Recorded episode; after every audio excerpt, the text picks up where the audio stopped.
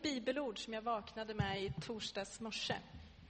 Och så har jag två bilder som jag i all enkelhet skulle vilja dela med er idag. Och en av bilderna har vi redan fått. Som Emma delade med sig utav. Som handlar om frihet. Eh, innan torsdags morse så visste jag inte vad predikan skulle vara. Då satte jag mig, jag kommer inte ihåg när det var, men det var ett tag sedan, med mitt kladdblock. Och så bara skrev jag ner det jag hade i mig. Och sen efter, i torsdags, så nu idag när jag tittar tillbaka så ser jag att ja men faktiskt, allt det där som jag skrev av mig då, det innehåller nog predikan idag. Fast jag tyckte att det där blir ingen predikan utav då. Men det är spännande, det blir mer och mer spännande varje gång att stå här kan jag säga. ehm, förut så har jag mycket mer haft en färdig predikan som jag har tyckt eller känt. Nu så är det mycket mer varje gång, det blir mer och mer så att det blir, det känns som att jag har en kartong med pusselbitar här. Och så får vi lägga dem tillsammans. Och så får den helige Ande visa vilka bitar som ska bli predikan idag. Så det är lite lagom spännande och läskigt. Mm. Men bibelordet som jag vaknade med i torsdags morse, det är Jesaja 50 och 4. Han väcker var morgon mitt öra. Han väcker det till att höra på lärjungasätt. Och i den engelska översättningen så är det en upprepning där, att han väcker mig morgon efter morgon. Han väcker mitt öra till att höra på lärjungasätt. Vad skönt. Jag vet inte hur du tror att du blev väckt i morse. Det står att han väcker var morgon, morgon efter morgon är han där och väcker dig till att höra på lärjungasätt. Och tydligen går det att höra på olika sätt. För det liksom trycker till där, till att höra just på lärjungasätt. Så det går att höra på andra sätt. Men Gud vill att vi lyssnar på lärjungasätt. Mm. Och det som slog mig först och som jag känner och som vi redan märker i den här gudstjänsten, det är Guds initiativ. Att Gud, han vet vad han vill säga. Bilden som Emma delar, bilden som jag har fått innan, det du har kommit med i ditt hjärta, din längtan, det visar att Gud, han är här och han säger någonting till oss. Det är hans initiativ, det är inte vi som hittar på, utan Gud har ett initiativ. Det är han som talar och så får vi lyssna. Och jag vill bara ta några bibelord just det här om Guds initiativ. Eh, Romarbrevet 5 och 1. kan ta nästa bild där. Så står det att medan vi ännu var svaga dog Jesus i vårt ställe. Knappast vill någon dö för en hedlig människa. Kanske vågar någon gå i döden för den som är god. Men Gud bevisar sin kärlek till oss genom att Jesus dog i vårt ställe medan vi ännu var syndare. Det är Gud, det är Guds kärlek. Det är han som tar initiativet innan vi hade gjort oss förtjänta. För vi kan inte göra oss förtjänta av det. Och vi tar nästa bibelord också. Första Johannes 4 och 10 och 19 så står det att detta är kärlek. Inte det att vi älskade Gud, utan att han älskade oss och sände sin son som ett försonande offer för våra synder. Vi älskar därför att han först älskade oss. Därför att han älskade oss först. Och så från Jeremia 31 och 3, med evig kärlek har jag älskat dig. Alltså det börjar i Guds hjärta, det börjar alltid med Guds kärlek. Det är Guds initiativ.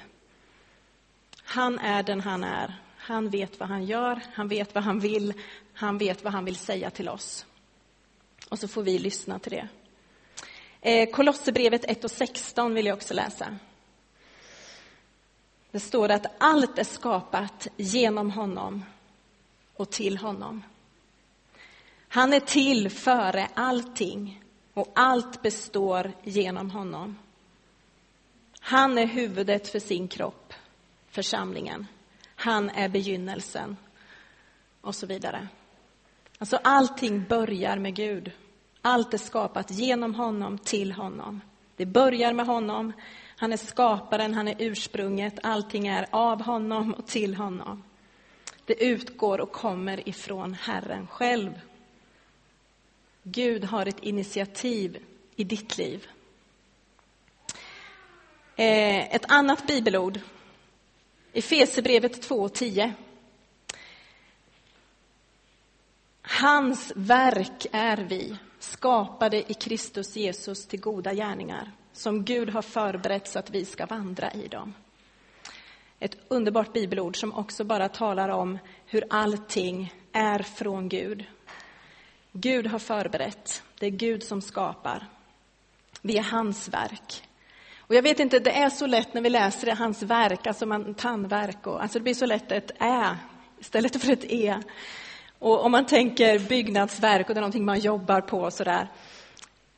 Men det här ordet är så underbart i grekiskan. Det är det ordet som vi har poem ifrån. Alltså vi är hans mästerverk, vi är hans konstverk. Vi är hans skapelse. Han är konstnären, han är författaren, han är den som skapar. Han gör ett mästerverk. Vi är hans mästerverk. Så bilden, det Gud skapar, det han gör när han gör oss till sitt poem, den är klar i Guds hjärta. Församlingen är hans verk. Och vi får lyssna till vad han vill. Och vi har några söndagar tillbaka så har vi liksom kommit tillbaka till det här bibelordet i första Petrusbrevet 2.4. Vi kan bara lägga upp det där också. Att kom till honom, den levande stenen, som visserligen är förkastad av människor, men är utvald och dyrbar inför Gud. Och låt er själva som levande stenar byggas upp till ett andligt hus, ett heligt prästerskap, som ska frambära andliga offer som Gud tack vare Jesus Kristus tar emot med glädje. Det står att när vi kommer till honom så blir vi själva levande stenar, användbara stenar. Det är Gud som bygger och vi får vara med. Och därför det här bibelordet då, att Gud han väcker varje morgon vårt öra till att höra på lärjungasätt. Så det är viktigt att vi lyssnar till vad Gud säger, vad Gud vill, vad som är på hans hjärta. Vi ska höra vad Anden säger till församlingen. Det finns ett tilltal och vi behöver lyssna till det. Och det finns ett vackert ord på svenska som förstärker lyssna ännu mer tycker jag. Det är lystra. Att lystra till. För det har att göra med att du är väldigt uppmärksam när du lyssnar. Du lyssnar uppmärksamt, du liksom spetsar öronen, ger akt. Du är inställd på att lyda, du vill hörsamma. Man liksom skärper hörseln. Och jag tror att vi är i en tid när Gud väldigt intensivt tala till sin församling. Att han vill visa vilket mästerverk församlingen är, vad han har tänkt med församlingen, vilka vi är i den här staden. Jag tror att vi är i en viktig tid av lyssnande. Och därför är det så uppmuntrande att Gud säger till oss att han varje morgon, morgon efter morgon, så väcker han oss för att vi ska lyssna på lärjungasätt. Gud han talar till oss, till sin församling, till sitt folk. Och om vi tar allting tillsammans med Gud så märker vi att han har någonting att säga. Han talar. Det är hans initiativ. Han har saker på sitt hjärta som han vill säga till oss. Och vi får lystra till det. Och därför är det så skönt att när du ber ut ditt hjärta till Gud, så hör Gud din bön. Han hör din bön. Han talar till dig, han leder dig. När du ber ut ditt hjärta öppet, ärligt inför Gud, bara ber ut ditt hjärta så är han där. Han kommer till dig och han lyssnar till dig, talar till dig och leder dig. Det är ett hjärtats samtal med Gud.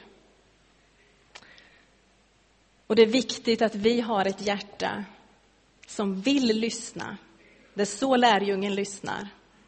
Att man lystrar, man är uppmärksam och vill höra. Det har med vårt hjärtas inställning att göra. Att liksom varje morgon ratta in, finstämma mottagningen.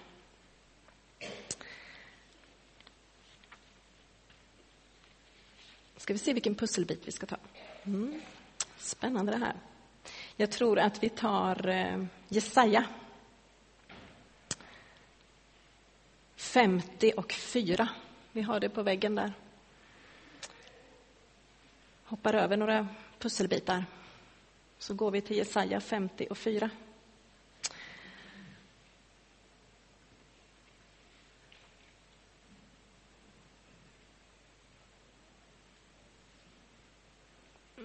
Den ska vi komma till sen.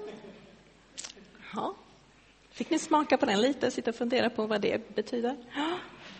Mm.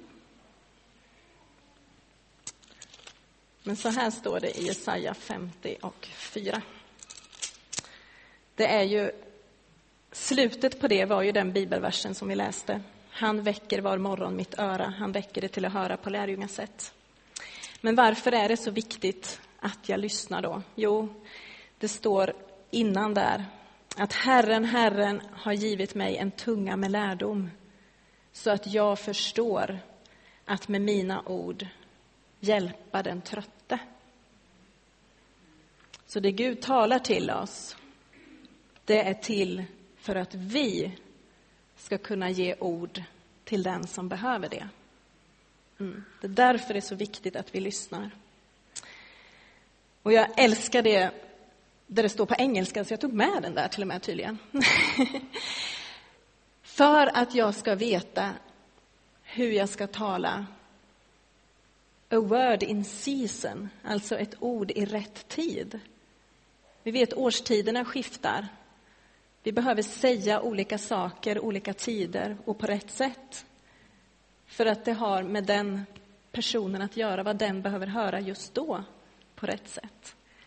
Därför behöver vi lyssna på lärjungasätt så att vi har de här rätta orden för varje säsong att ge till människor som är trötta. För att hjälpa den trötte. Och nu börjar vi komma in på de här bilderna som jag också fick inför predikan. Eh, vi kan slå upp Jesaja 40 och 31.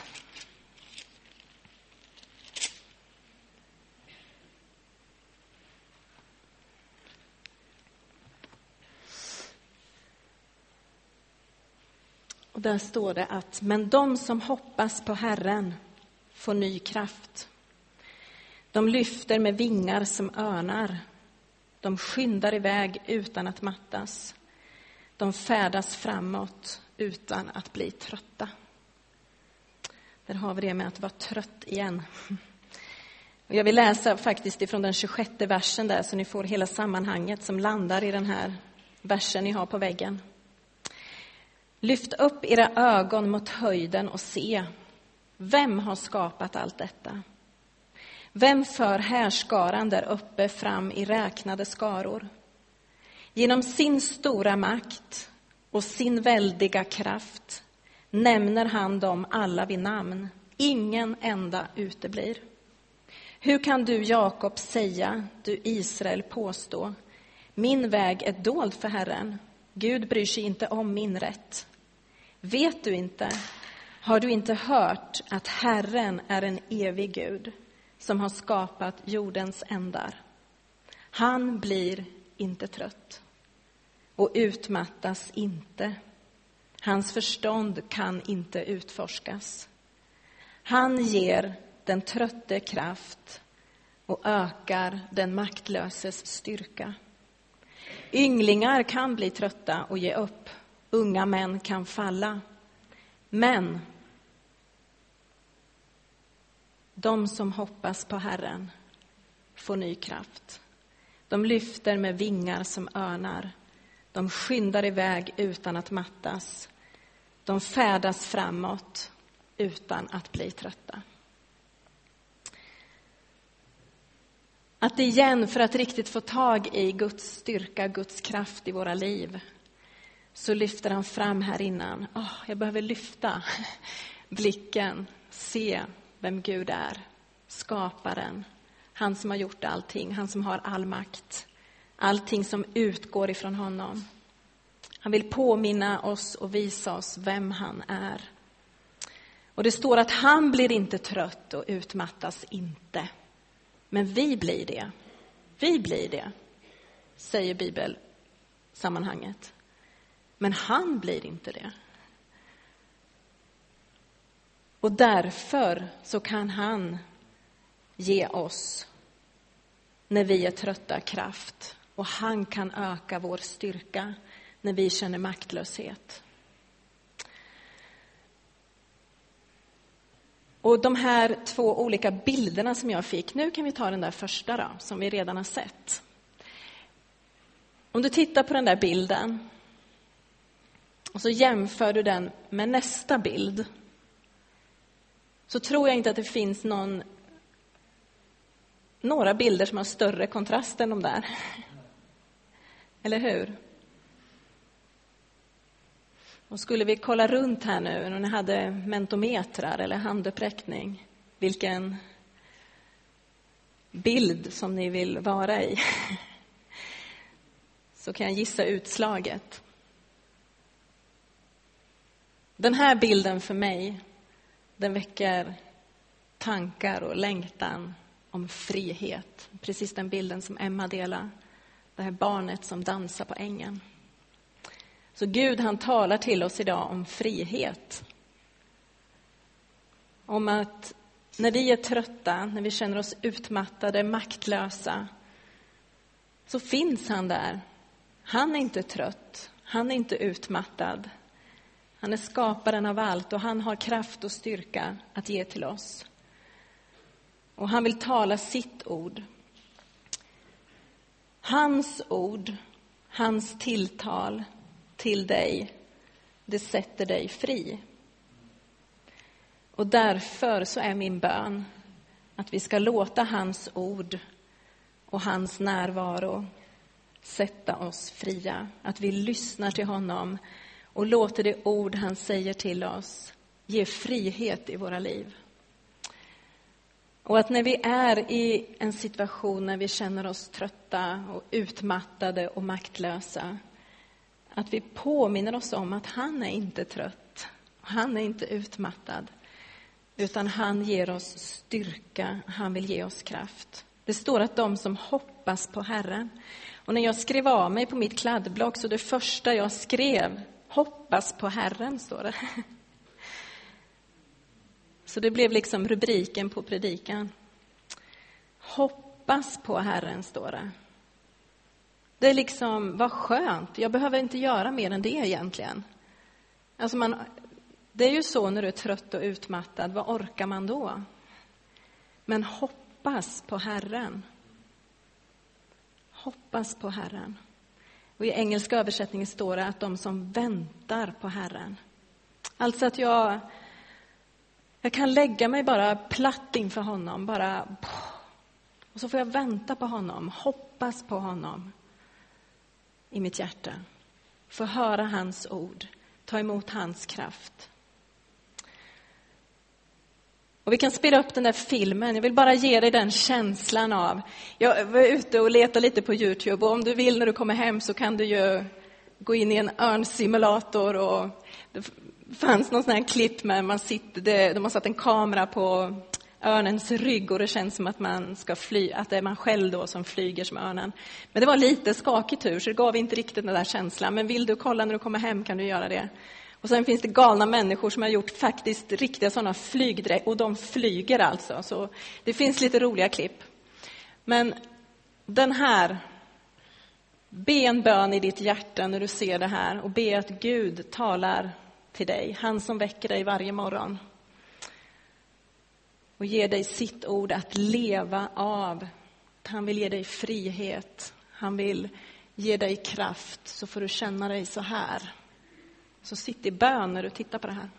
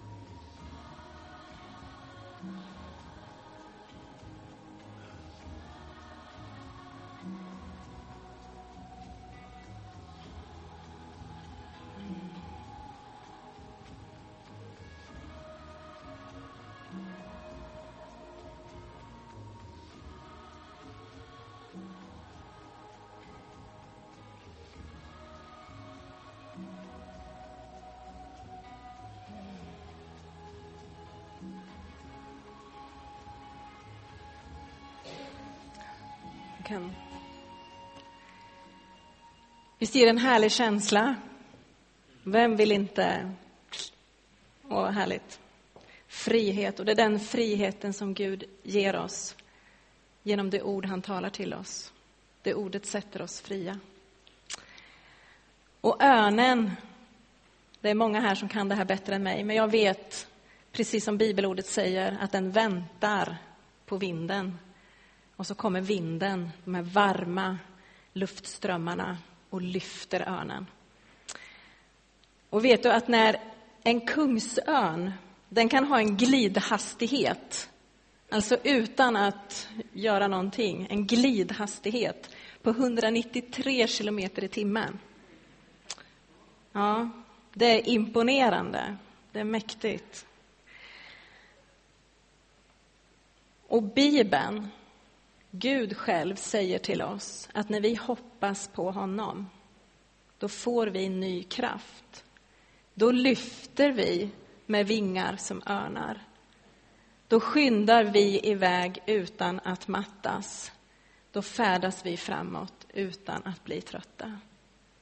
Det är ett löfte till oss när vi hoppas på Herren, när vi väntar, när han kommer med sin kraft och vi lyfts av honom när inte vi gör det, utan han gör det.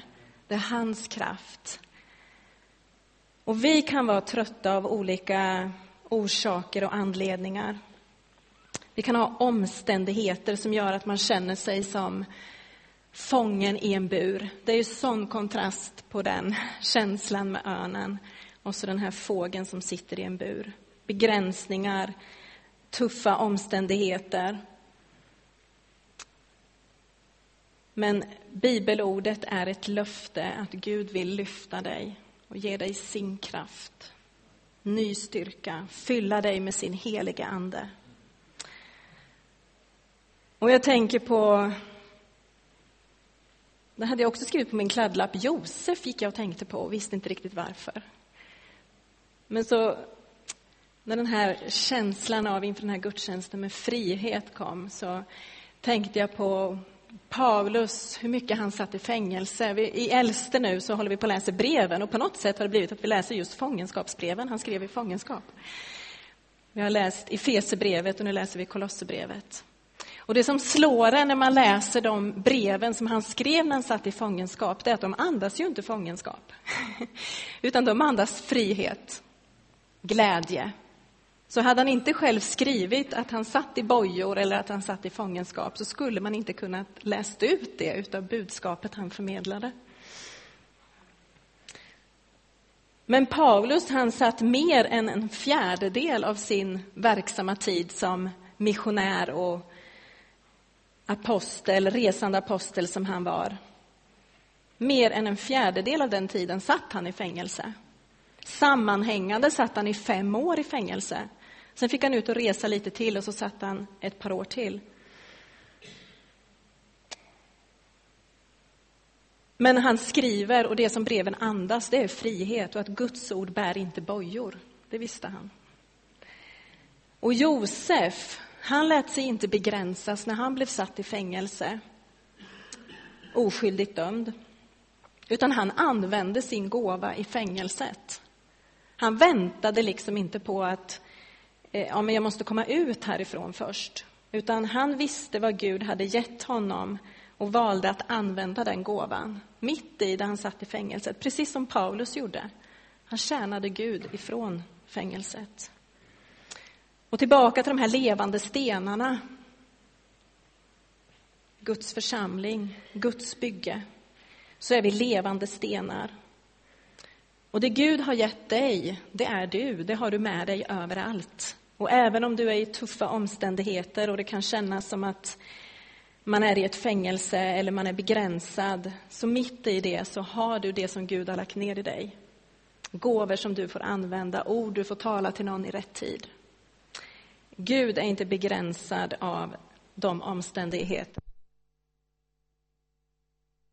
Och nu var min tid ute, tror jag. Nej, jag fick lite tid till, vad bra. En gul lampa som lyser. Ja. Och jag tänkte också på en eh, man som heter Broder Yn, heter han, tror jag. Och han var i Falun för inte så länge sedan, då missade jag honom. Men jag hörde honom för flera år sedan i Stockholm en man från Kina som, där det har varit svår förföljelse av kristna. Han satt långa perioder i fängelse, blev torterad för sin tro, sin kristna tro. Och då när jag hörde honom så berättade han, och han berättade att hans största rädsla när han satt i fängelset, och då tänkte man, ja, vad var det? Han hade en sak, en bön i sitt hjärta som han kände, det här bara kan jag inte vara utan. Och det var att inte längre höra Gud tala. Om man inte skulle höra Gud tala, det var hans största rädsla och skräck. Men så länge han visste, så länge han, Gud talade och han hade Guds närvaro, då kunde han vara var som helst och utstå vad som helst.